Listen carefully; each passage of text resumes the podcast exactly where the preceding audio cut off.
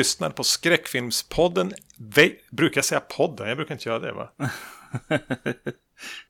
Podcasten brukar jag säga.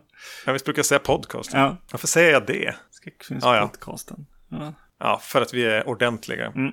Mm, vi tar om det där. Du lyssnar på skräckfilmspodcasten Vacancy med mig, Erik Nyström. Och med mig Magnus Johansson. Vi ska nu ägna oss åt vårt navelskådande retrospektiv här. Som vi brukar göra i anslutning till nyår, då vi liksom avslutar en säsong. Mm. Genom att eh, prata lite löst om sånt vi redan har pratat om. Och avrunda kommer vi att göra den här gången med en eh, antologifilm. Vill du bara innan vi säga någonting om vilken antologifilm det är vi ska prata om? Vi ska prata om Spirits of the Dead från 1968. Mm. Före vi gör det så ska vi alltså för- försöka ägna oss lite grann åt år, året 2020. Det är jävla skitåret. Mm. Jag ska öppna min öl också. Jag med.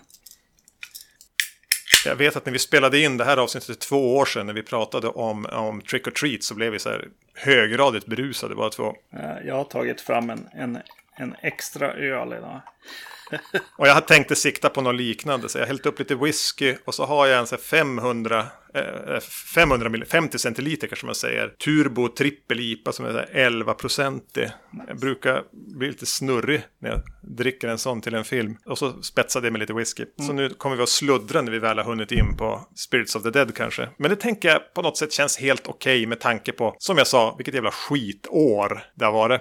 Ja, verkligen. Du har mest bara suttit hemma 2020 vid, vid typ eh, något makeshift skrivbord och, och lekt kontor eller? Precis. Det är rätt jobbigt, måste jag ju säga. Personligen. Det är klart att det är mycket värre för alla som har, har haft det jobbigt där ute liksom. Och eh, haft folk som har blivit sjuka eller till och med eh, dött i det här. Men eh, om jag får vara lite e- egocentrisk så ja, då har det, då har det varit rätt, rätt trist alltså. Jag gillar ju att vara bland folk med, med mina kollegor liksom.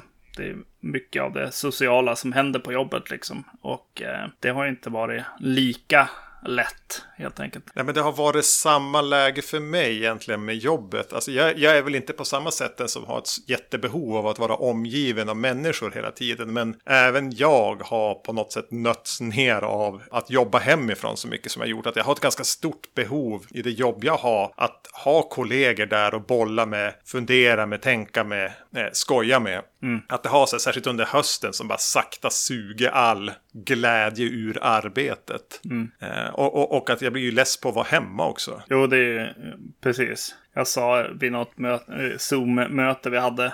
Man säger ju don't, don't shit where you eat. Och samma sak, då sa jag don't work where you sleep. Det, det kändes lite likadant på något sätt. Jag har min, eh, eller våran säng, just bredvid kontoret nu. Liksom bredvid skrivbordet. Så jag kan ju som bara rulla, rulla upp, sätta mig, sitta, sitta här och så här rulla i sängen. eller på. Ja. Och det har ju varit rätt trist alltså. Och så sen just när man börjar känna att det, det eh, ska vända på något sätt. Så kommer ju den här andra vågen eller, eller så också. Och då inser man hur mycket lättare det var att stå ut när det var hyfsat ljust och man kunde vara ute på ett annat sätt och allt in, inte bara var ett så här tryckande blött mörker. Nej, precis. Ja, verkligen. Ja, så vi får väl, får väl hoppas här. Det är massa skrä- skrämsel där ute på något sätt också. Om så här. Ja, men nu ska det väl mutera just när vi kan, kan bota det och så. Eller vaccinera oss. Ja, ja. Om jag har förstått virus rätt så är de det enda de vill är ju att föröka sig. Mm. Och ett virus använder i princip en människa som en kopiator. Eh, så ett virus har ju ingen som helst eh, intresse av att ha ihjäl sin kopiator. Den vill ju bara fortsätta att kopiera sig själv i den här utmärkta människokroppen. Eh, så, och virus följer ju som även Dar- Darwins lagar när det muterar. Ska en mutation ta över så ska den ju vara bättre än den tidigare. Om ett virus skulle mutera till någonting mycket, mycket dödligare eller farligare så, ehm, så dödar det ju sin, då får det ju ingen spridning. Just det. Så mest troligt är att det kommer att mutera till lindrigare varianter som eventuellt sprider sig lättare. Men samtidigt har jag förstått det så att när man väl har tagit fram ett, ett vaccin, det gör de ju varje år, så kan de ju vara inne och, och justera det. Med så här säsongsinfluensavaccinen. Ja, precis. Så jag är väl eh, inte så orolig för att vaccin, vaccinet för den här pandemin inte ska fungera. Det är väl liksom, när kommer nästa? Och framförallt, vad, vad blir eh, de här ekonomiska följdverkningarna? Mm, ja, verkligen. Ja, vi får väl se. Man får inte ropa hej ens, ändå, känns det som. Och det känns som att vi i flera år också, men i de andra åren kanske mer för att David Bowie har dött liksom. Att det har varit jävligt, jävligt tråkiga år liksom. Mm. Men eh, ja, det här, det här var ju verkligen tråkigt på riktigt. Jo, om man tänker att det blir liksom nu så att, att det ganska snabbt under 2021 vänder och att det inte blir så farlig recession, eh, ekonomisk depression eller någonting. Hur man kommer att se tillbaks på. Mm. Jag har ju svårt att tänka mig att, att jag har haft ett sämre år. Även om man själv liksom privat kan ha mått röv av andra, andra anledningar. Så... Ja, precis. Jo, nej. Men, men, vi har fan hållit igång podden bra. Mm. Tror jag måste vi nästan ha varit det året vi släppte flest avsnitt bara tugga på som en jävla traktor. Ja, precis. Eh, jag tror vi fick till någon, någon slags mer, mer go i schemat där. Jag tror att du, du, du står mycket för det. Eh, och även att, att ligga på om och sätta vissa datum och så. Eh, och mm. det har ju funkat, funkat väldigt, väldigt bra, känner jag det är ju väldigt skönt att vi har haft den här podden också.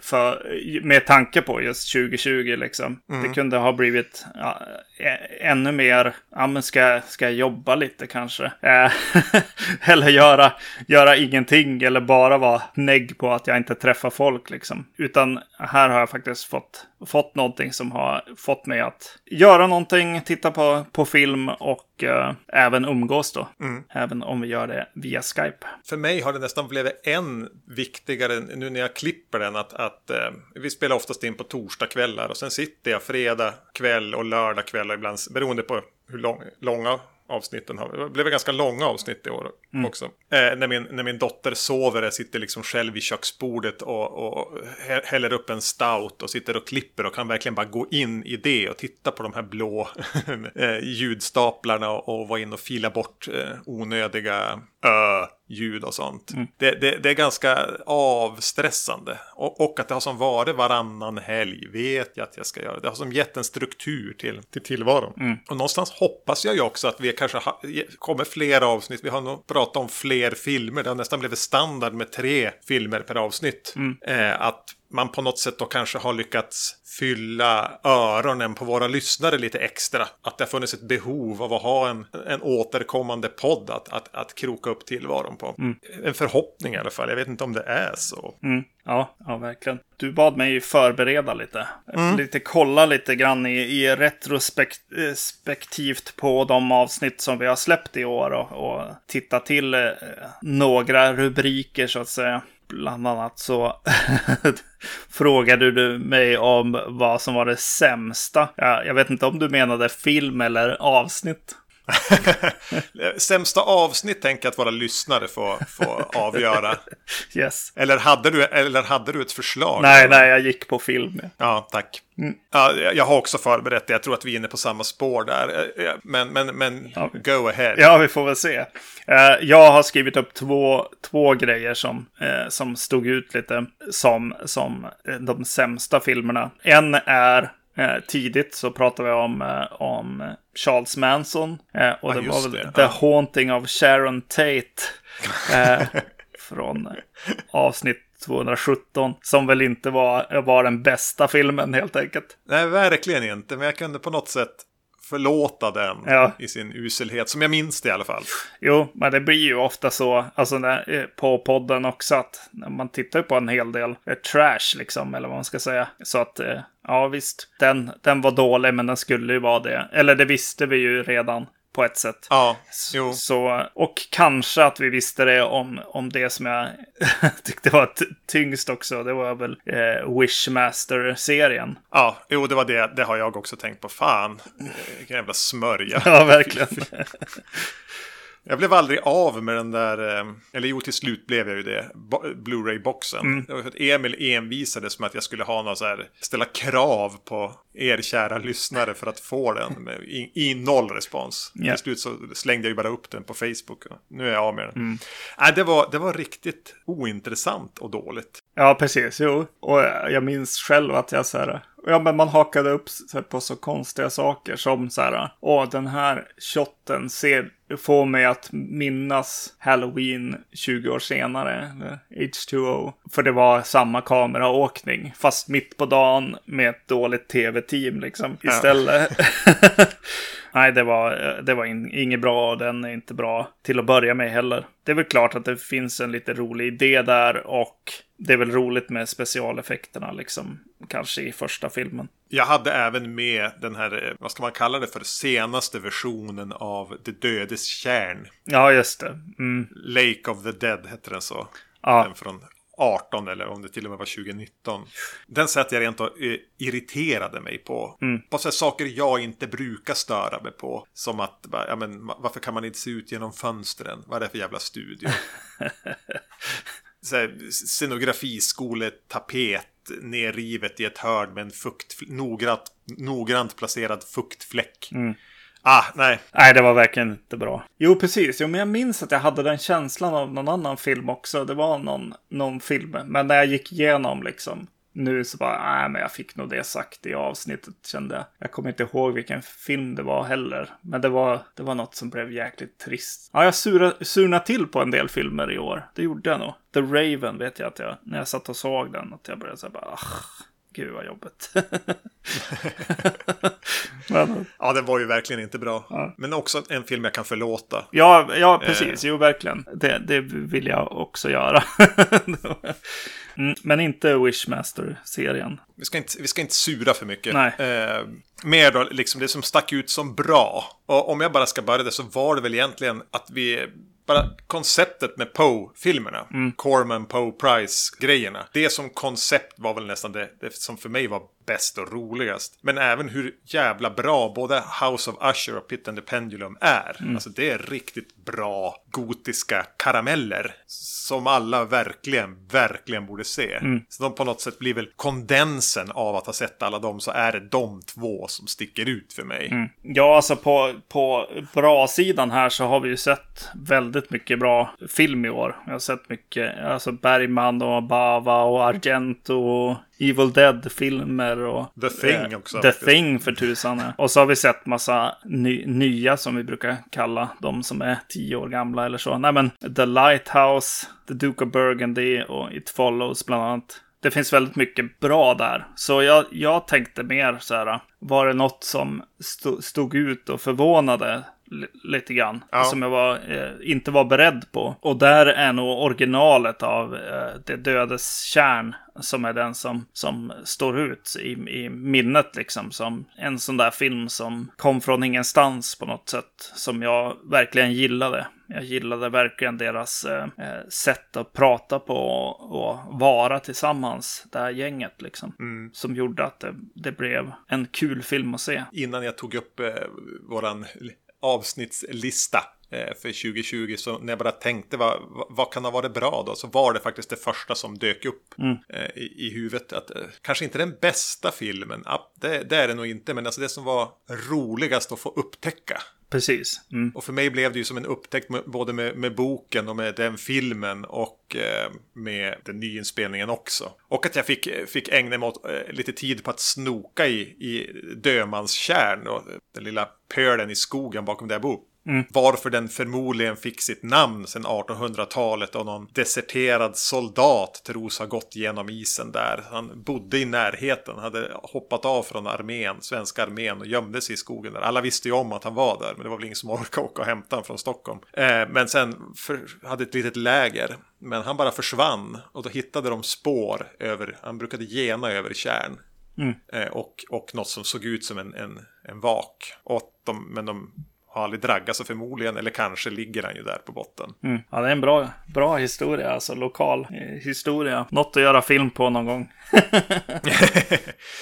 det är väl ett, ett, ett, tecken att vi har passerat 40, att det är sånt där jag sitter och intresserar mig för. Ja. Det är ju alltså andra världskriget dokumentärer kommer väl härnäst då. Mm, ja, precis, precis.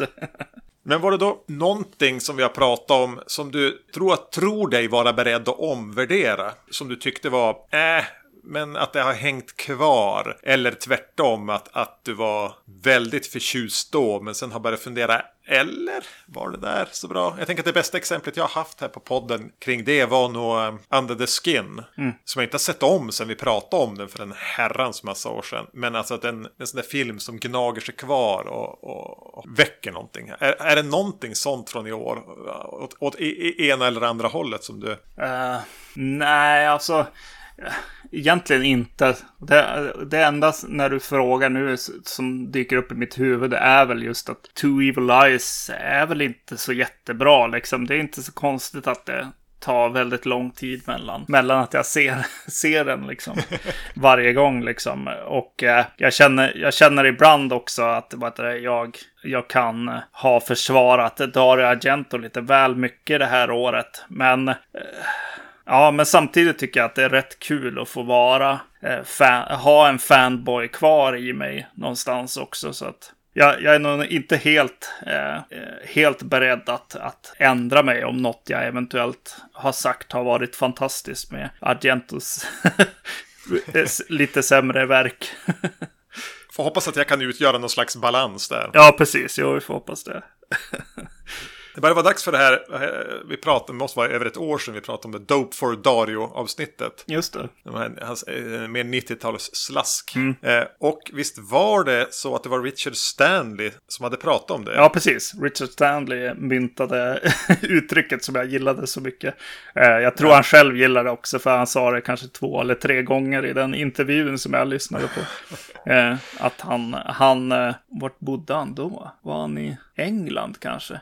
Eh, ja, ja, ah, ABBA varje gång eh, Dario eh, kom till, till landet så ringde han till en Richard Stanley och ville, ville ha, ha något att röka.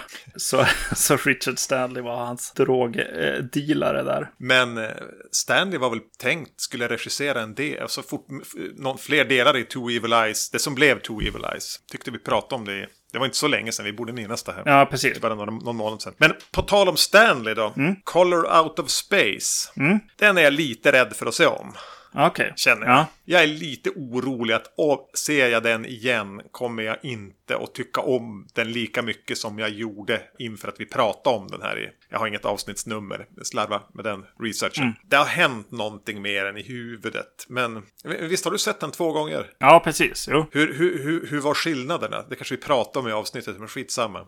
Förändrades den? Äh, nej, inte jättemycket tror jag inte. Nej, alltså, men det är ju en Richard Stanley-film. Den, den hamnar ju liksom där, där det, där det är trevligt och man blir så här äh, lite glad i skaparglädjen liksom. Eh, och, och hans liksom lite annorlunda tänk liksom. Det blir ju aldrig riktigt så här äh, mästerverks av dem. Nej. Man blir mer, mer glad i att se hans skapande när man ser de filmerna på något sätt. Och det tycker jag finns, finns kvar där. Så att jag jag tycker nog, ja, jag, jag, jag tycker jag, jag vet inte var, vart, man, när den ligger på, på mellanskiktet där så är det halv, halvbra film liksom. Mm. Då vet jag inte riktigt vart man ska gå, gå med dem. Och jag tror att hans filmer ofta är så också, i huvudet liksom, efter, efter att man har sett dem så bara, så kan de vackla eller liksom bli bättre eller sämre i huvudet liksom. Tills man ser den nästa gång och ser den där charmiga trean. Kanske är hans filmer är nog det, 3,3 Ja, precis. Men ibland så kan man få ett, ett, kan de få ett skimmer i backspegeln också. Mm, men det gör ju ingenting. Nej. Jag ska vänta ett tag med att se om den. Kanske nästa höst eller någonting. Jag vill att det ska vara mörkt ute när jag ser om den. Mm. Eh, på tal om att omvärdera saker, nu, nu går jag så off-podd här lite grann. Mm. Men för ett par år sedan pratade vi om Bone Tomahawk. Mm. Och jag var inte jätteförtjust i den då. Nej. Som jag minns det. Jag, jag, jag accepterade den väl. Du var möjligtvis lite mer positiv. Kanske. Kanske lite, men jag tror inte att du direkt eh, jublade heller. Men mm. sen dess så har jag lite blivit övertalad av um, en bekant att den här regissören S. Craig Saller han är bra, han är intressant, han har någonting. Mm. Så då har jag sett om hans eh, såhär, två filmer han har gjort efter den. En som heter Brawl in Cell Block 99 eller någonting. Ah. Med Vince Vaughn. Mm. Och sedan eh, Dragged Across Concrete. Med återigen Vince Vaughn, även Mel Gibson. Har du sett någon av dem? Nej, jag har inte sett någon av dem. Eh, för de fungerade på mig, båda två. Mm. Ja, jag har varit, varit intresserad helt klart av att se vart han tar vägen. Ja, men Drag the Cross Concrete finns på Netflix. Så den är det att du slår igång. Mm.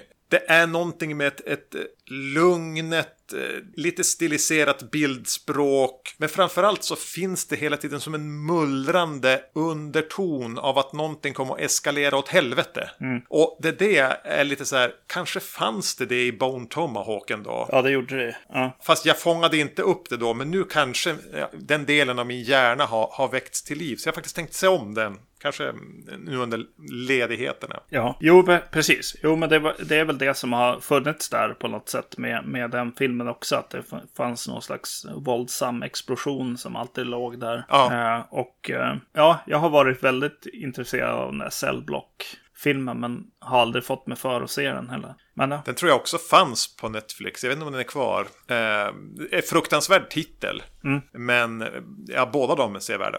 Du gillar väl Vince Vaughn också, jag för mig. Och det, det där var inget skämt.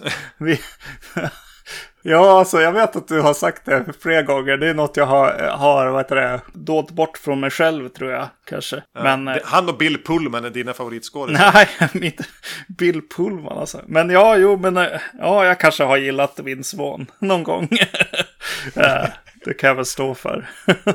Det är lite känslan här att, att Saler har tagit Vince Vaughn och tänkt att nu ska jag göra en skådis av dig. ja, okej. Mm. Eh, Men det är väldigt så här, independent. Det är väldigt många olika produktionsbolags loggor i början av båda filmerna. Ja. ja, just det. Nu kommer jag på att här, True Detective Season 2. Det var ju där, där alla hatade liksom. De hatar ju den. Eh, och han är ju med i den. Och jag, jag fick aldrig riktigt så här fatt i hur mycket sämre var den egentligen. Men då kanske jag aldrig riktigt fastnade för, för första säsongen heller. Nej, för jag, första säsongen True Detective var ju lite det här deppiga, titta på ett, köra bil och titta ut genom ett fönster på någon dyster grå industri och, och en, en känsla av att det kanske är något övernaturligt.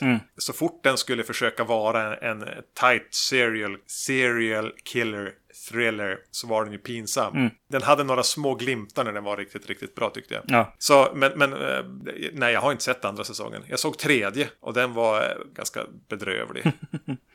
ja. Men jag gillar inte tv-serier. Nej, eh, det, det är där jag hamnade. Med, framförallt med första säsongen. Jag bara, ja men det, det enda den här har för sig är ju att den är, är lite längre då. Men den har ju samma historia som 1.40 liksom. Så jag, blev, jag, jag tror att jag var lite extra sur på tv-serien när jag såg, såg det den säsongen. Jag var nog besviken på att, att eh, tv-mediet skulle liksom komma och bli det, det som är bra, det som är skri, välskrivet och har en pacing som känns nice. Medan eh, film skulle eh, komma att bli blinkande ljus. Liksom. Ja. Tog ut en besvikelse över livet på den serien. Lite så blev det. Slog sönder den med en brandsläckare. exakt, exakt. Ehm, bara på tal om tv-serier. Så har jag pratat länge om att skaffa en Twin Peaks-tatuering. Jag har inte pratat om det länge, jag har bara tänkt det länge tror jag. Du har ju redan en. Yes. Eh, Jag har ju pratat om att göra den här, det, det, det kanske mest klassiska man kan göra, den här Owl Cave tatueringen. Eh, Men efter att då ha sett den här eh, Twin Peaks Actually Explained-videon så har jag blivit än mer övertygad om att den står ju faktiskt, förutom att den representerar Twin Peaks i mångt och mycket, så representerar den ju även kanske någonting jag verkligen tror på, nästan som en livsfilosofi. Det här med att, att man ska, men man kan, man, man måste utsätta sig för mörkret för att kunna se ljuset. Man ska kunna vada ut i det kalla, man ska inte fly och, och, och bara knyta ihop allt med closure. Och så då, men då har jag börjat vackla så här, ska jag ha den här stiliserade enkla Owl Cave symbol som alla vet vad det är? Eller ska jag ha den här mer Judy-symbolen som, som Bad Cooper har på spelkortet? Just det. För den nästan än mer representerar ju Judy och vad Judy står för. Eh, Risken är väl med den där eh, Judy-symbo- kluddiga Judy-symbolen som man aldrig vill veta vad det är. Det är någonting med att de säger det, det där vill du aldrig veta vad det är. Att den kommer bara att se så här kluddig och konstig, vad är det där, en myra? En, är det en hund? Ja, just det. Ja. Medan Owl Cave är så tydligt att det är en, en symbol för någonting. Ja. Och om det inte eh, är en massa pandemier och död och förruttnelse över hela världen 2021 så kanske det dyker upp en sån tatueringsmässa i Skellefteå. Så kanske jag går dit. Då har jag bestämt mig till dess. Jag, får, jag får fråga i nästa nyårs avsnitt om det blev någon tatuering.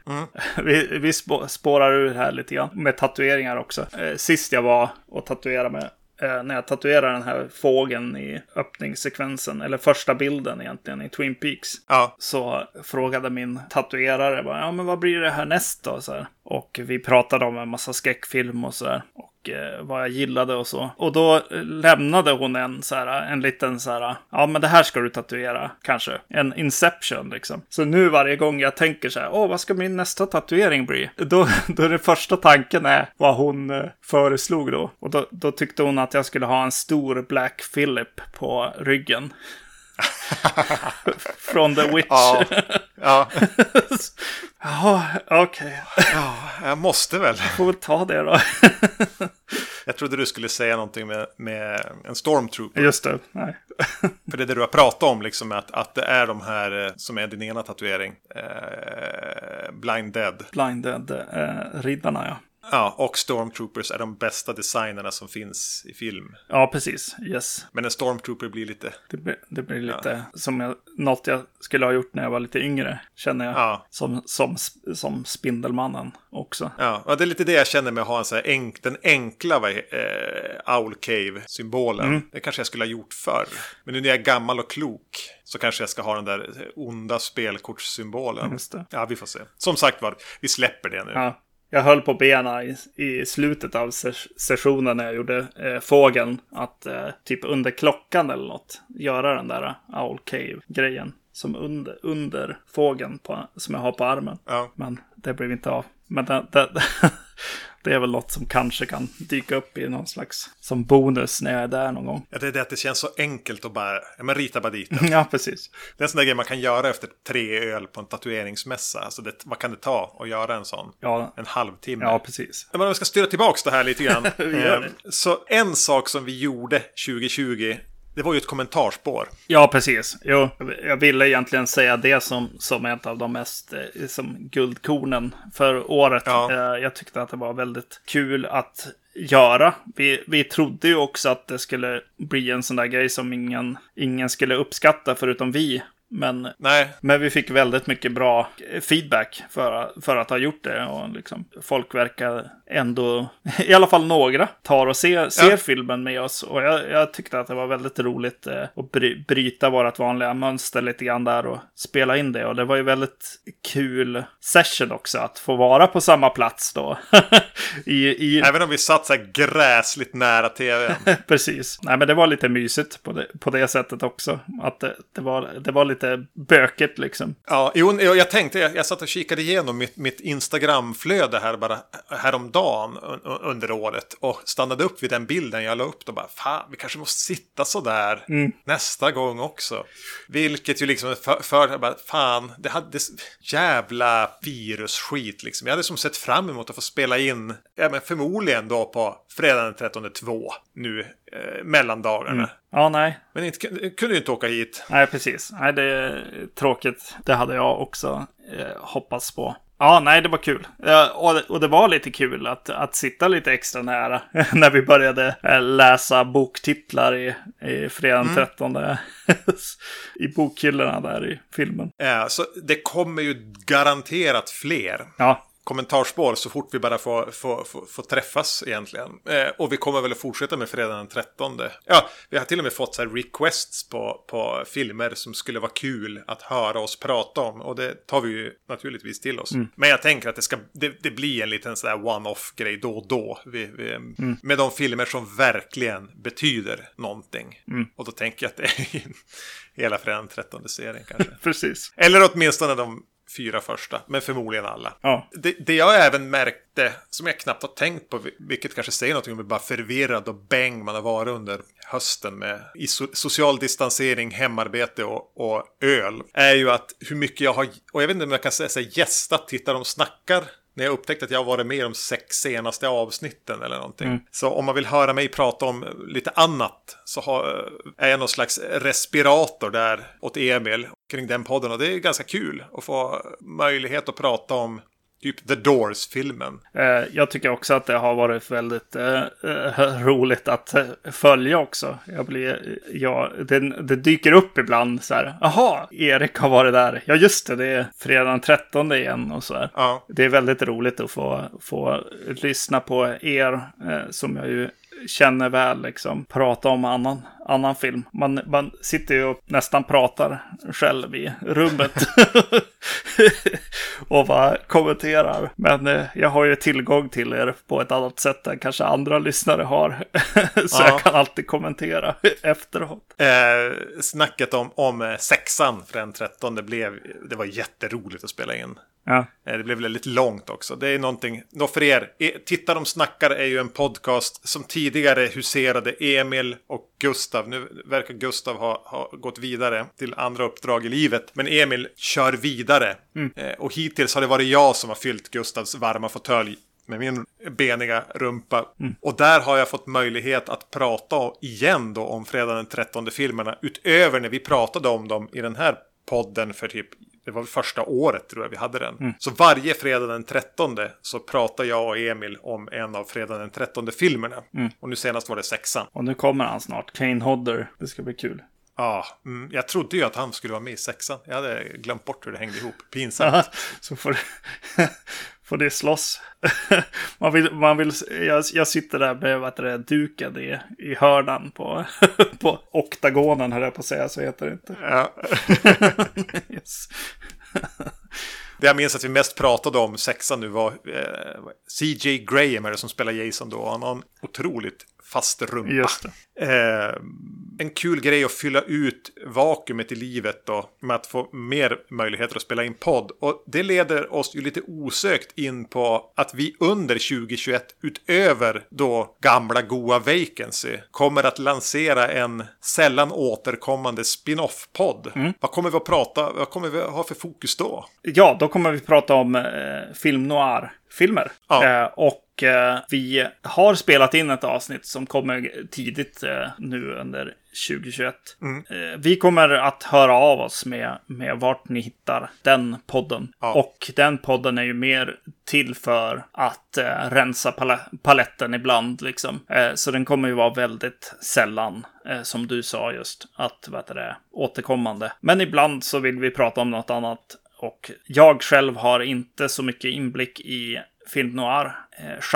Eh, och har, ser, ser dig ibland sitta eh, via, på Instagram eller, eller eh, på Facebook och eh, se en, en noir-film. Eh, och eh, har varit väldigt eh, nyfiken och eh, vill, vill titta in. Så då har vi ska, skapat en, en till podd. Ja, ni kommer att få veta vad den heter och när det första avsnittet dyker upp. Och där kan man kanske räkna med något avsnitt per år. Eh, jag har i huvudet planerat eh, nästa avsnitt. Jag har inte berättat någonting för dig vilka filmer det kommer att vara. Men det, det tar vi vid ett annat tillfälle. Yes. Eh, men 2021, vi kommer som, som jag tror jag säger varje gång, vi kommer att plöja vidare. Yes. We've got stories for years. Men är det någonting du tänker då? 20, är det någonting du som har suktat efter att få göra? Få prata om? Nej, alltså jag, jag är lite beredd på vad som helst. Förut vet jag, förr i tiden, då hade vi så här tema varje år. Ja, Och, och vi höll nästan på att råka skapa det här med Edgar Allan Poe. här i alla fall mot slutet av året. Och eh, nästa år så har vi ju inget, inget inplanerat där heller. Men det finns några, några grejer som vi funderar på kring i alla fall. Jag, ty- jag tycker det ska bli kul att eh, prova på och se hur många vi gör ändå. Men eh, vi tänkte kolla på lite osynliga män Ja. nästa år. Eh, så får vi se hur många som kommer in och när. Men eh, det är lite roligt när man börjar titta efter så här. Vi gör ju avsnitt som har liksom teman tänker vi att så här. Ja men det, nu är det. Eh, ja men hundar till exempel. Ja, precis. Mm. och eh, just, just när vi har börjat tänka så här, ja men vi ska göra Invisible Man, då öppnades helt plötsligt en hel värld av filmer upp. Så att eh, vi vet inte, eh, vi kunde liksom inte riktigt avgöra vilka eh, vi skulle satsa på. Eh, och det vet vi fortfarande inte. Men det, det känns kul att, att prova Ja. oss fram med där. Det Liksom. kan bli 10-15 filmer alltså. Ja, Vi får se vart det landar. Yes. Är det något jag tänker att jag ska försöka driva så är det att fånga upp några re- requests vi har fått. Jag efterfrågade ju här eh, för några avsnitt sen Martyrs och förslag på vad vi skulle se med den. Vi har fått in några förslag och, och någon bara slog an liksom. Ja, men fånga upp franska skräckfilmsvågen lite grann.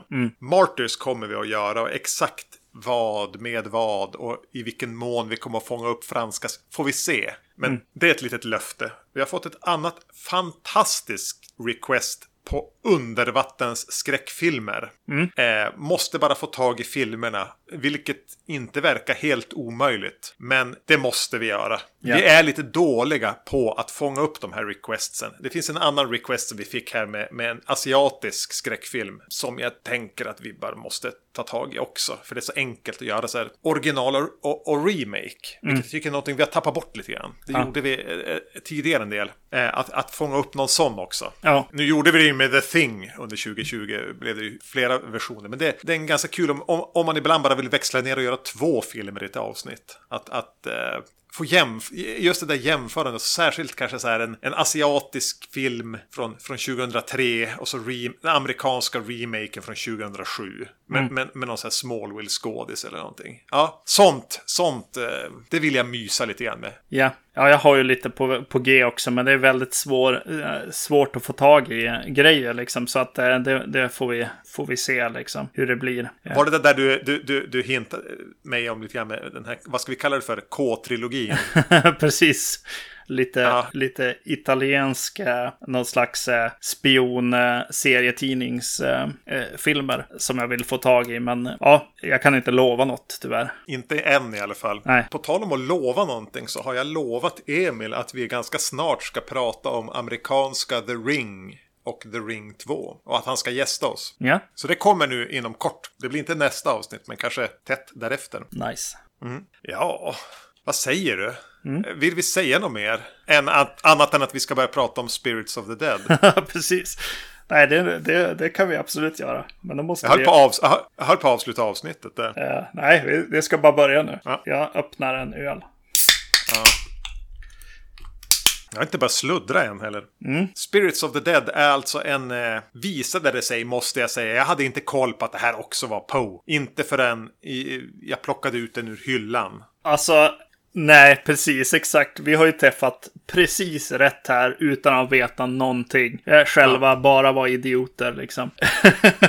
här är det ju, vad heter det, American International, heter de så? Ja, Som, har, som gjorde de här Edgar Allan Poe-filmatiseringarna. Som har köpt in eller samproducerat den här filmen. Som ju också är en Edgar Allan Poe-inspirerad sak. och tydligen är det så här ga- relativt okända Poe-berättelser som, som de har haft som grund här. Så det är inte så här, The Telltale Heart eller någonting, de mest kända.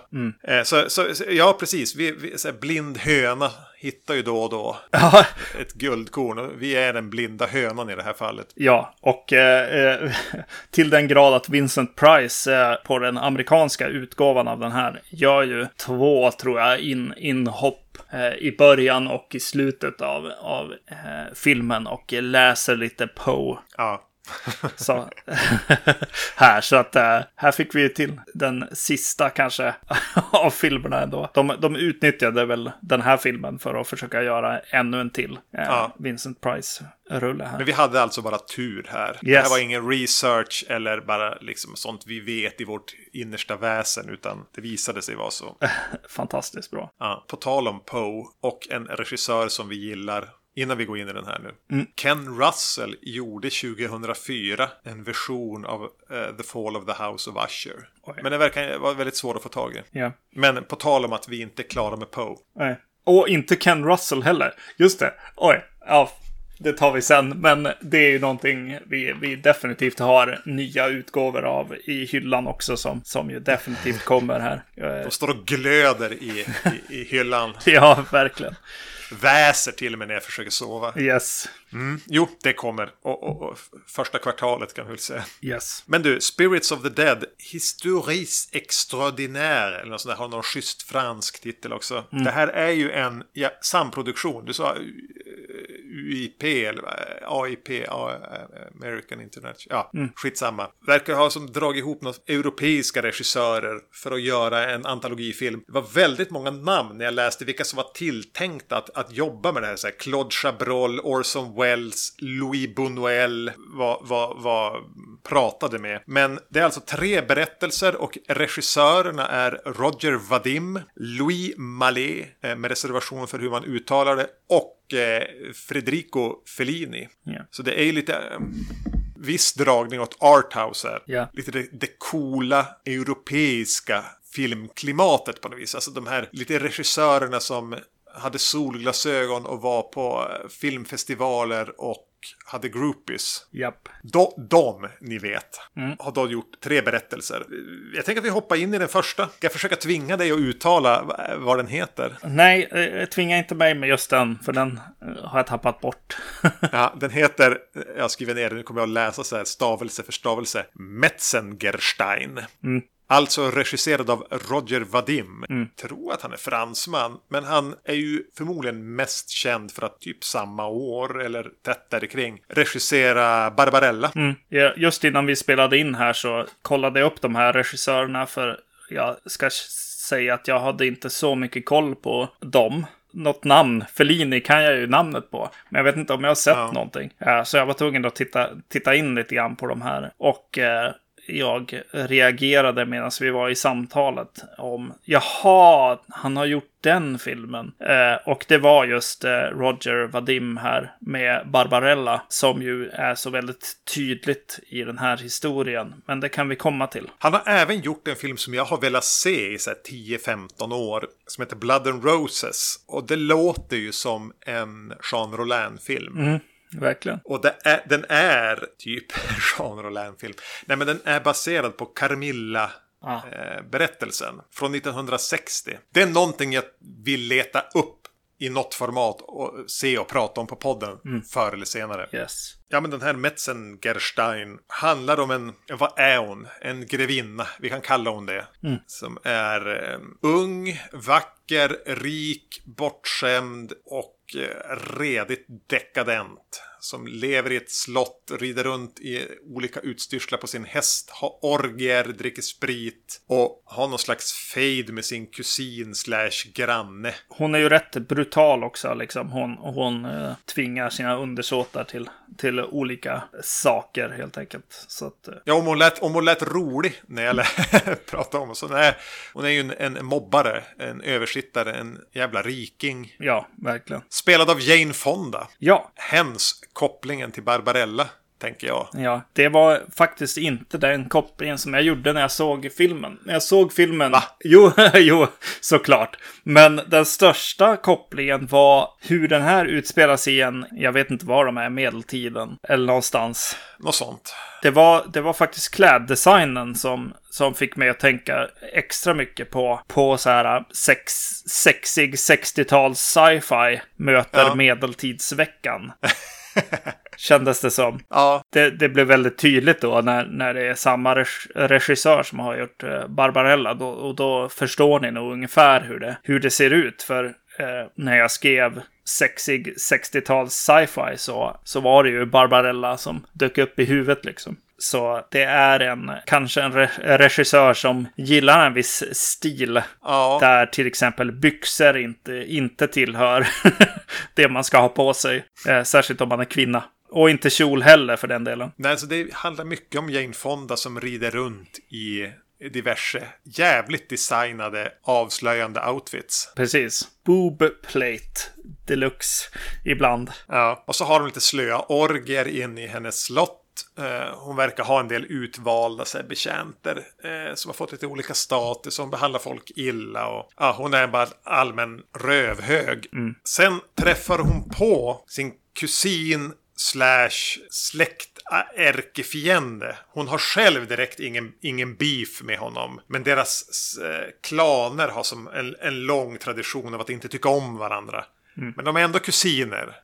Spelade, av Peter Fonda. Lillebror. Ja. Han hjälper, hon har fastnat i någon fälla alltså björnfälla och grejer. Han hjälper henne och blir lite betuttad i han. Mm. Kanske är det på väg att uppstå någon slags romans där att hon faktiskt känner någonting för en gångs skull annat än liksom avsmak mot undersåtar eller det är möjligtvis är sexuell njutning är allt hon har känt. Mm. Men det, det, leder liksom till en punkt där han avvisar henne. Hon tar hämnd på honom som slår lite fel för henne och det uppstår komplikationer som involverar hästar. Ja, den här är ju, den här är ju småtråkig. Ja, den fokuserar väldigt mycket på att vara kitsch, kitschig och så här Modesty Blaze eller Diabolik ja. eller är det då Barbarella-stil då fast i, i någon slags medeltid kanske. Och eh, själva upprampningen, ja visst, alltså jag kan väl följa med så här, men sen, sen tycker jag att det, det blir lite jobbigt när det när hennes ark liksom, när hon, hon ska vända i sin personlighet och, och hur det ter sig känns, känns lite trist på något sätt. Det blir, det blir lite tråkigt att, att se på. Jag, jag kanske inte har så mycket relation till hästar. Det kanske man behöver, jag vet inte. Fast å andra sidan blev jag ju otroligt orolig för den här hästen som är med. Ja. Som antingen är en bra skådis eller inte så bra behandlad. Just när den dyker upp, det dyker upp en svart häst på borggården som blir så här uppjagad av Alltså det, det, är väl meningen att den ska vara vild liksom så att vad det, mm, människorna mm. kring den försöker liksom lugna ner den. Men det blir ju, det blir ju snarare en känsla av att det är ett gäng människor och hundar för den delen som försöker jaga upp hästen. Det, det är en lite jobbig scen tycker jag. Ja, just det. Så här, 60, var spelar de in de, den här? Är de i Italien nu igen? Ja, precis. Är det ingen bryr sig? Mm. Nej, men det jag tror, det vi ska säga är att hela den här antologin är två timmar, vilket lämnar ju ungefär så 40 minuter till varje mm. del. Och jag tror de håller ungefär det. De är mm. där runt 35-40 minuter. Och det är ju alldeles för mycket speltid. Ja. Utan det blir väldigt mycket att titta på. Jag ska säga, Jane Fonda är karismatisk. Ja. Hon är inte liksom någon som skänker några nyanser till den här karaktären. Hon vet hur man rider runt i någon sci-fi dräkt Mm. Fast på medeltiden. ja. Och gör det ganska obekymrat på ett charmigt, charmigt sätt. Mm. Och äh, på tal om charmig, Peter Fonda är ju otroligt charmig också i det, det lilla han är med här också. Ja, lite mer melankolisk och svår. Ja, exakt. Man, man crush direkt. ja, jo. Yes. Han, han, han använde tydligen, han knöt lite kontakter här och, under inspelningen här och fick idéer här som sen mynnade ut i Easy Rider. Okay. Sägs det. Mm. Det finns nog mycket myter kring de här inspelningarna. Ja. Eh, och en annan så här in, inspirerad detalj, det är ju den här vad ska man kalla det för, väven. Ja, just det. Mm. Jane Fonda här, i samband med att eh, saker har hänt så upptäcker hon en väv. Men den här hästen som hon har just träffat på verkar vara med. Mm. Men den är skadad, den verkar ha blivit bränd eller någonting har hänt med den. Hon lämnar den till en, gammal, gammal virrig restaurerare av så här väggbonader. Mm. Som, som kämpar med att återställa den i, i sitt ursprungsskick. Och man får som följa det lite grann. Hur han, ja men ibland pratar väven med mig och ibland inte. Eller vad han säger. Jag gillade den, den som en detalj i vad, vad, kommer den att visa när den är återställd? Eller vad, vad, vad, kommer det att leda till? Det var, det var en bra knorr på det. Det var en, en fin ton. Mm. Just att återställa något som inte finns där längre är ju väldigt intressant. Och just hur han blir lite mytomspunden med att han inte kan. Eh, han låter liksom sina händer eller inspiration eh, liksom leda på något sätt arbetet. Ja, det gillade jag också. Mm.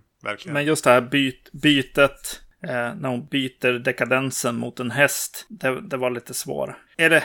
Ja, det kanske är som du säger att så här, ja, men det fanns lite för mycket speltid där. Ja. Det är klart att den punchlinen kan ju, kan ju funka, men de eh, hade kanske några minuter för länge. För mycket eh, tid att fylla. Precis jag, jag, jag, var inte jätteimponerad av den här första delen. Nej. Eh, mest kommer jag kanske att minnas att Jane Fonda, jag förstår varför hon var så eh, känd här för hennes, liksom, även bara allmänna utstrålning. Mm. Men, eh, ja, den, den, den börjar inte så jättestarkt den här antologin. Nej. Och då fortsätter den sen då med en berättelse som heter William Wilson. Mm. Är det den tristaste titel du har hört? ja, ja, det är det.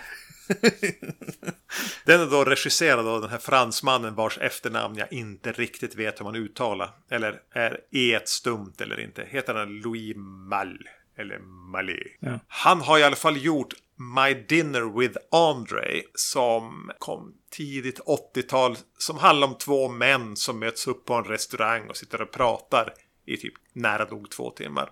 Jätte, jättebra. Det är ju en sån film. Det är ju här det blir pinsamt med regissörerna här. För äh, här är definitivt en film som jag inte har sett, men äh, definitivt har hört talas om. Ja. Liksom. Så jag får väl gå, gå någon filmvetarkurs kanske.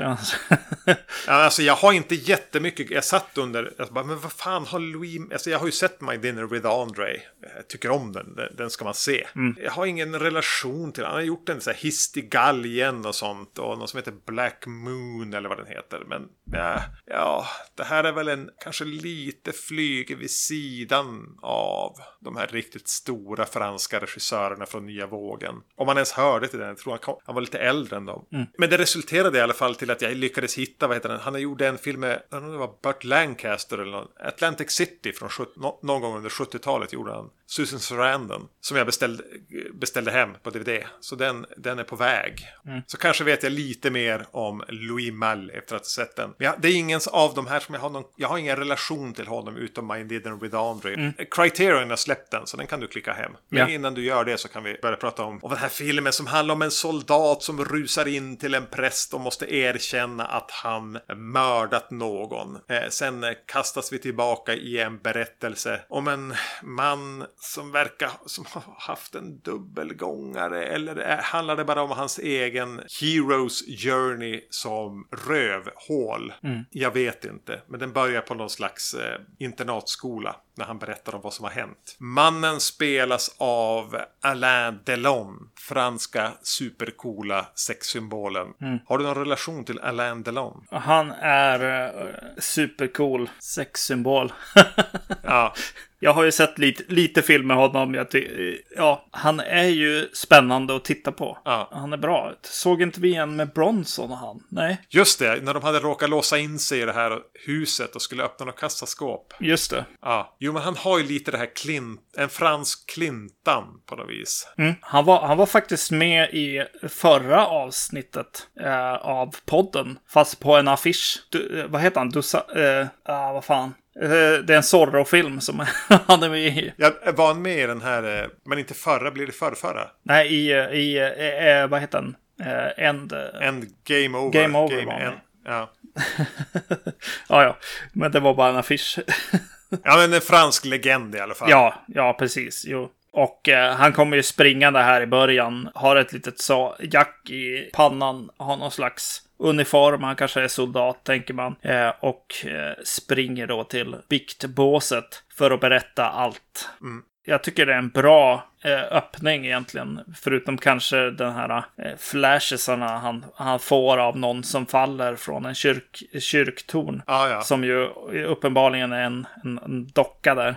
Men eh, jag gillar verkligen hur, det, hur den går igång här. Ja men det är en jävligt cool språngmarsch bara klippen mellan liksom en, en liten så här nervös handhållen kamera och Alain Delon och kullerstensgatorna. Det finns liksom en, en liten nerv och ett, ett, ett driv i klipp, klippningen här. Så ja men vänta nu, nu, nu har vi en, lite mer en regissör här än i Metzengerstein-berättelsen. Här finns det en, li, lite mer hantverksskicklighet. Ja. Var som mina första känslor. Ja, precis. Jo, om förra var, var liksom kanske mer eh, fokuserat kring hur folk såg ut och, och så. Och kläder och design liksom. Så, så har, ju, har vi ju här helt klart någon, någon mer eh, van kanske, eller vad man ska säga, regissör. Som har lite mer go i, i klippning och, och foto och cinematiskt berättande. Exakt, exakt. Och det blir ju lite spännande när någon rusar in, tvingar sig till en bikt och bara jag har dödat en man. Ja, okej, Ber berätta mer. Man vill ju höra fortsättningen där. Eh, och, och då hamnar vi liksom så här, att han kanske börjar onödigt långt bak i tiden.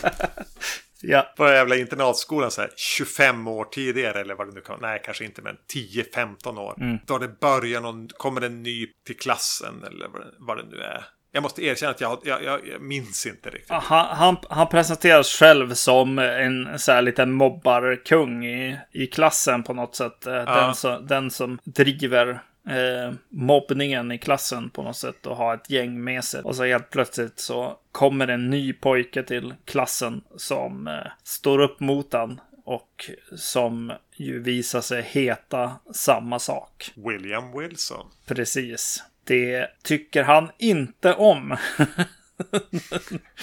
och de börjar ju liksom hata varandra. Ja. Ja, det går ju ganska långt. Han håller ju på att försöka döda honom mitt i natten där på skolan vid ett tillfälle också. Alain Delons eh, karaktär, han försöker döda den andra William Wilson. Mm. Och det visar sig som sen att de följer varann genom livet. Mm. Med den här gotiska dubbelgångar mot tanken. Precis, de ska bli obducenter båda två eller någon, någon, någon typ av läkare. Ja, helt plötsligt är de på någon konstig läkarutbildning med en, en ganska otäck obduktionsscen.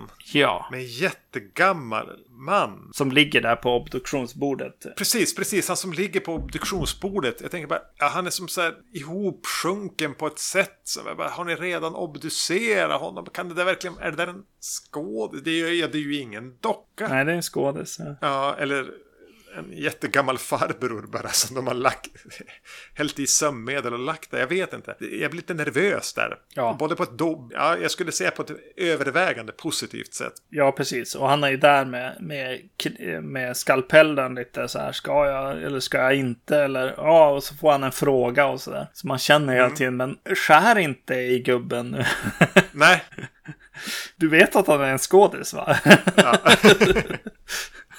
ja. Jo, men det finns, det finns en trevlig nerv där. Mm. När han väl skär i honom också i någon närbild där så blir man ju... Det är ju jävligt obehagligt liksom. Det, det ser inte ut som Cityakuten direkt. Utan man blir lite så här illa till mods. Vad skar du in nu? Exakt, exakt. lite svårt att veta. Jag tänker lite grann på när vi spelade in amatörfilm och vi skulle ha en så här, någon som högg i någon. Mm. Och bara gick och köpte på Ica, typ så här sidfilé eller vad fan det var. vi Sidfläsk, köpte. ja, just det, precis. Ja. Högg i det. Och vad skar och högg i det? Ja, det ser kanske inte ut, men det blir en jävligt märklig obehaglig effekt av att hugga och skära i det. Mm, precis. Sen är det väl bara, eh, alltså liksom hur de intersektar genom livet. Och då, då, då tappar den mig i, ett tag där. För att jag förstår inte varför han ska sitta och spela kort med. Brigitte Bardot. Ja, precis. Jättelänge. Jag bara, va- varför sitter jag och tittar på så här poker? Eh, exakt. Nej, alltså den tappar mig fullständigt. Ja, Jag vet inte hur länge vi är i pokerpartiet innan. Alltså, för det ska ju som bara leda till en poäng. Ja. Kan, kan det vara 10-12 minuters pokerparti? ja exakt. Nej, det är verkligen inte, i, inte bra spenderad tid här. Nej. Och återigen, är det så att de har för lite story och för mycket speltid att fylla? Ja, precis. Har du någon relation till Bridget Bardot förutom Bob Dylans I shall be free? Nej, nej, alltså hon är ju bara den här som har pratats om som en sexsymbol. Ja, det är väl en annan Fellini-film han också refererar i den, eh, La Dolce Vita va? Civita, ja. Eh, Så han, han har sett lite Fellini-film i alla fall, Bob Dylan. ja. men jag tror att Bob Dylan har sett en och annan film. Ja, Märker man typ i senaste skivan eh, som kom i år också. Ja. Den här Rough and Rowdy Ways. Droppas det också filmtitlar och filmreferenser nu och då.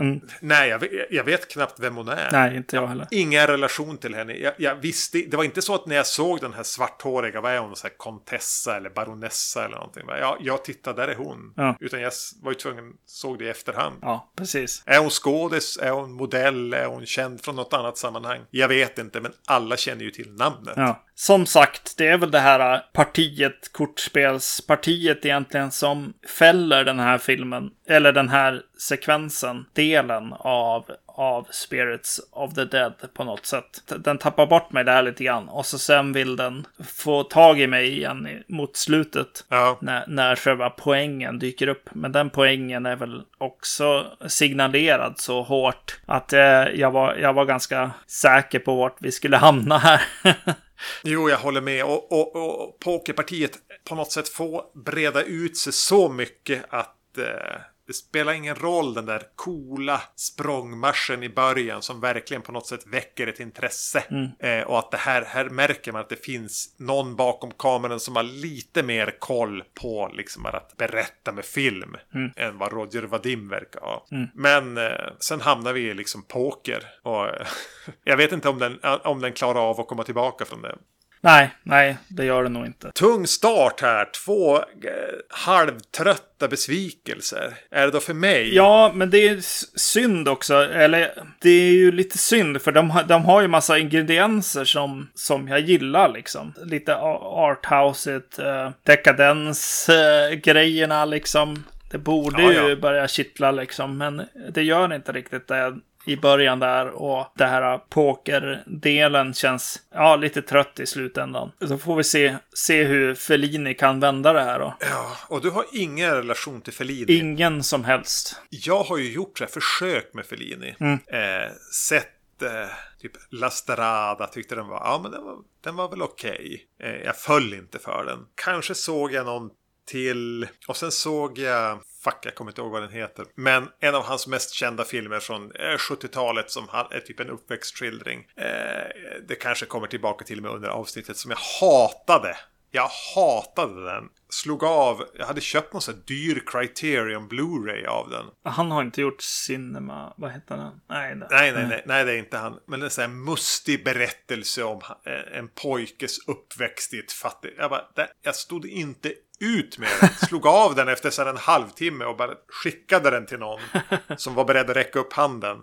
Fortfarande inte kommit på vad den heter. Jag, jag ska googla medan jag pratar om mitt initiala Fellini-hat. Ja. Sen eh, gick det väl en tid och jag såg lite Antonioni. Som jag ju har lärt mig verkligen att uppskatta. Ja. Och sen såg jag den kändaste filmen. Eh, det vill säga La Dolce Vita. Ja. Eh, och jag har som haft en bild av den. Man vet ju det, bada i fontäner. Så jag tänkte det skulle vara någon så här, ja men någon yppig blondin, finner kärleken i Rom. Och det blir lite livsbejakande, bla bla bla. Jag, det var min bild av den. Mm. Men Amarcord heter den. Så, den jag hatade. så just det. innerligt att jag var tvungen att ge bort den. Ja. Men när väl, jag hade sett lite Antonioni, sett La Notte, Leclis. Och så såg jag La Dolce Vita. Och insåg att den handlar liksom om så här bara tomma människor som gör tomma saker, hatar sig själva, de har pengar och framgång och bara släpar sig runt och ja, ingenting betyder någonting. Och de letar efter en mening, en massa tomma överklassritualer och bla bla. Då tyckte jag om den.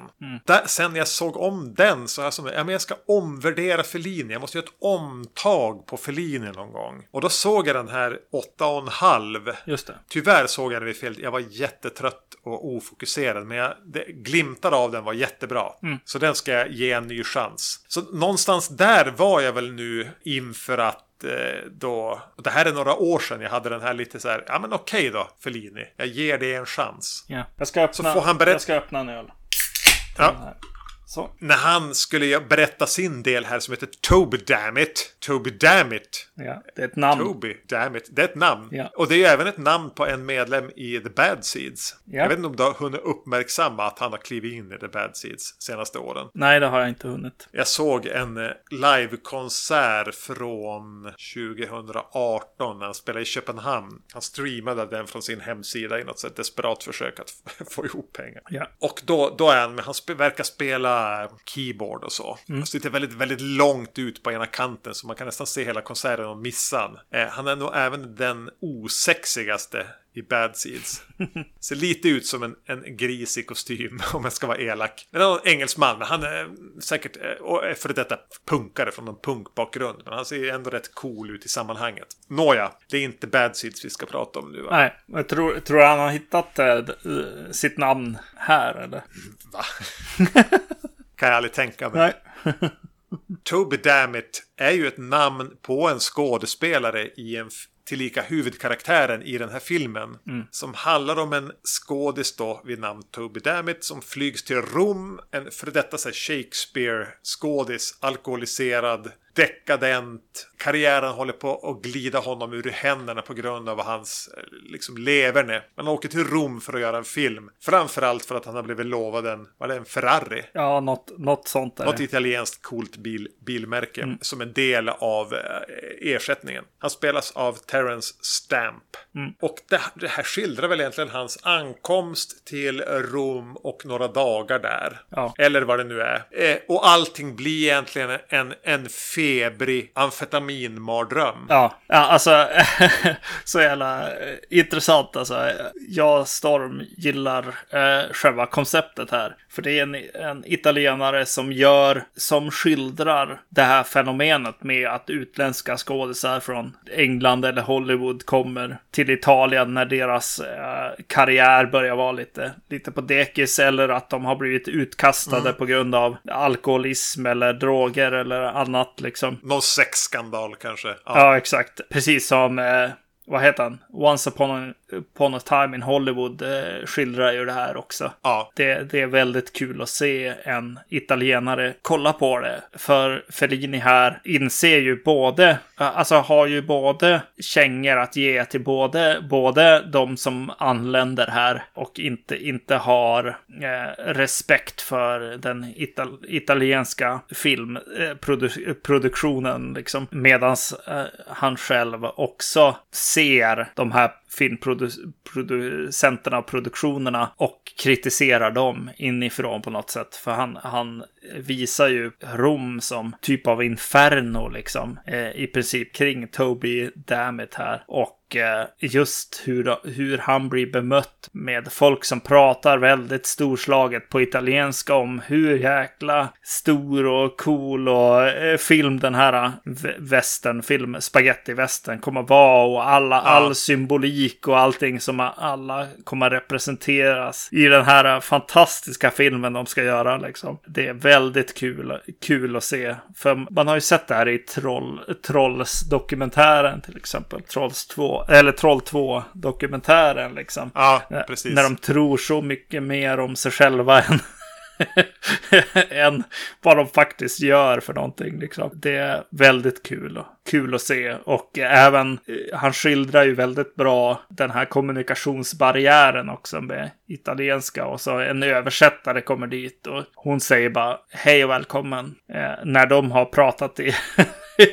i flera minuter om hur, hur fantastiskt det är, den film de ska göra ihop. Och den här Toby Dammit är ju hela tiden påverkad av någonting. Ja. Eh, och bryr sig ju egentligen inte men låtsas lite som att han gör det och kanske något litet uns av honom bryr sig ju faktiskt fortfarande. Mm. Så jag tycker att, att Terence Stamp här gör ju ett fantastiskt porträtt Ja. Av, av någon som bara har vandrat in i, i liksom en, en, en virvel som han inte förstår sig på. Han har en aning om vad han, vem han vill vara i den.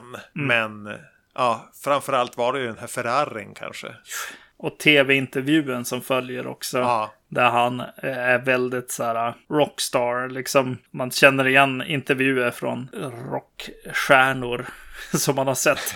Där, det, där kanske dekadensen och alkohol och, och droger har gått, lite gått dem om huvudet liksom på något sätt. Och lite grann bara en tristess över att behöva befinna sig i den här jävla tv-intervjun som min agent har sagt åt mig att jag borde göra. Men jag, jag hatar att vara här och jag, jag är medveten om att allt bara är liksom en massa giv, en bluff på något vis. När jag själv är konstnär liksom. Ja, jo. ja.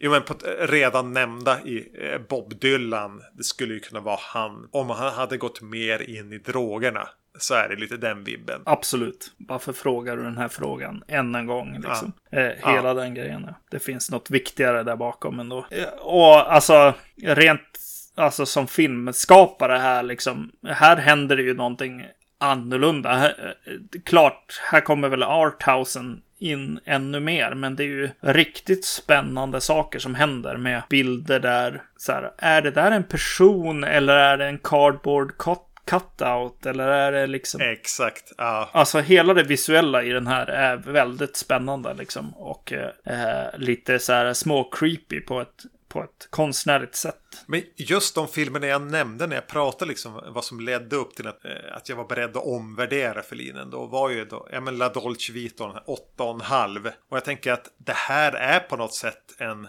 feberhallucination av de två filmerna med så tomma människor och vad är som glider in i en slags mellanting mellan vaken mardröm och eh, psykos nästan. Mm. Som, en, som inte bara är en visuell gimmick utan att den säger, han försöker, pratar ju mycket om den här tomheten som uppstår hos människan som kommit till en viss plats och man bara fyller den tomheten med alkohol. Eh, och vad är, varför känner man det behovet? Det är ju lite det jag tänker mig Fellini är intresserad av att prata om. Ja, nej, jag, jag, ja, jag gillar, gillar det jag ser, helt klart. Och, Ja. och jag tycker också att han är duktig på att eh, visa vad han tänker i bilder, liksom. Jag, jag, jag, jag får koll på mycket av, av det som händer. Eh, symbolik som faktiskt symboliserar någonting. Ja, Känns, känns det som. Det finns en vit boll till exempel som, som ganska tydligt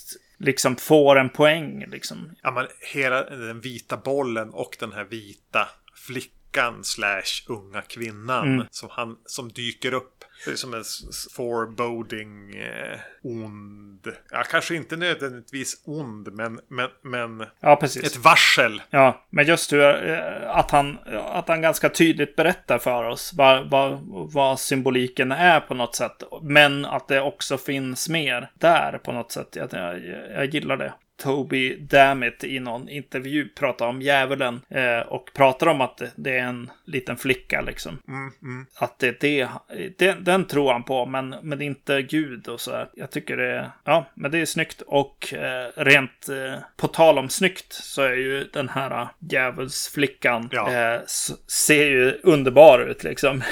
Ja. inte, inte sedan, sedan kill, kill Baby Kill har, har en o, otäck flicka varit så otäck liksom. Nej, verkligen. Verkligen vad de har hittat rätt där. Ja, inte bara att det är otäckt utan det finns en dragningskraft där också. Ja. Som han, han ju definitivt har gått på. Mm. Den här slutar väl kanske med en bang helt enkelt. Ja, verkligen. Eh, för det är ju ja, men, foto, klipp och allting bara jobba på högvarv här. Det är en eh, stiliserad scenografi. Det är, de åker genom Rom. Det är ljusat. Allting bara pulserar framåt.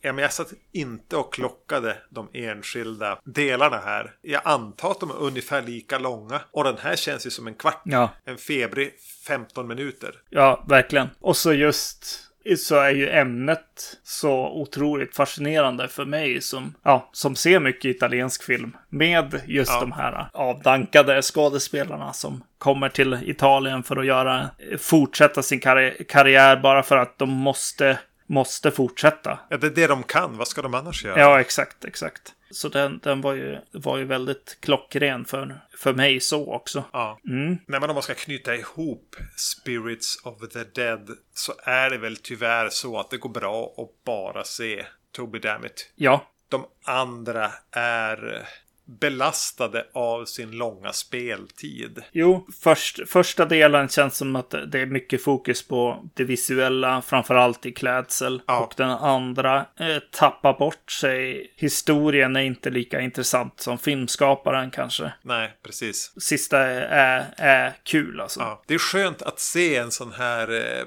antologifilm där man väljer att spara det starkaste kortet till sist. Med, med råge, som Ja. du sa, with a bang. Mm. Eh, och jag, har, jag blev ju väldigt peppad på att se om ja, men, La Dolce Vita och åtta och en halv och undersöka mer Fellini nu, än mer. Eh, ja, jag tycker att han har sån himla bra grepp också. Det, det, det var det jag kom på nu att jag skulle säga. Han har så bra grepp på att, att prata om, om italiensk eh, film. Och att italiensk film ofta är så här copy-paste från något annat. Men, men med så här ambitioner på något sätt.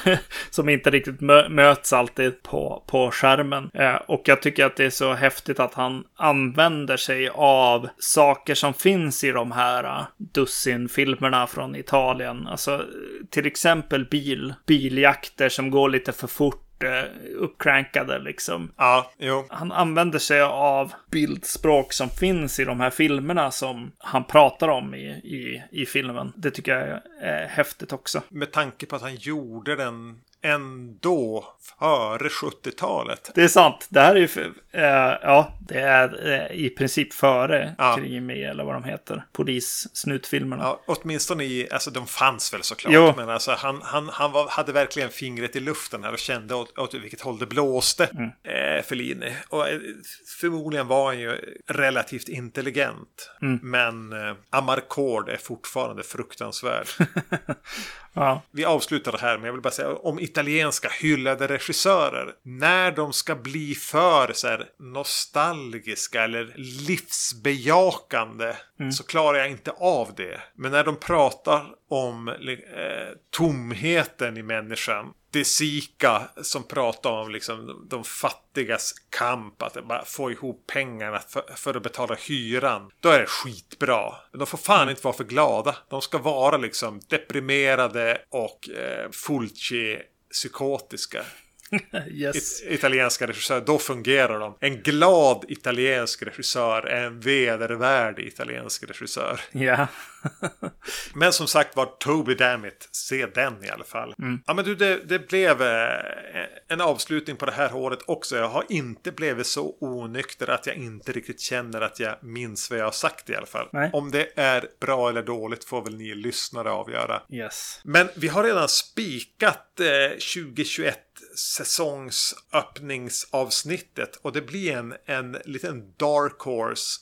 Och det avsnittet är eh, All the Boys Love Mandy Lane, The Ward och Drive Angry. Yes. Så får ni pussla ihop det själva lite grann. Ja. Men eh, ja, vi hörs alldeles strax både där och i våran spin-off-podd. Tack för att ni lyssnade. Vi hörs. Hej! Hej.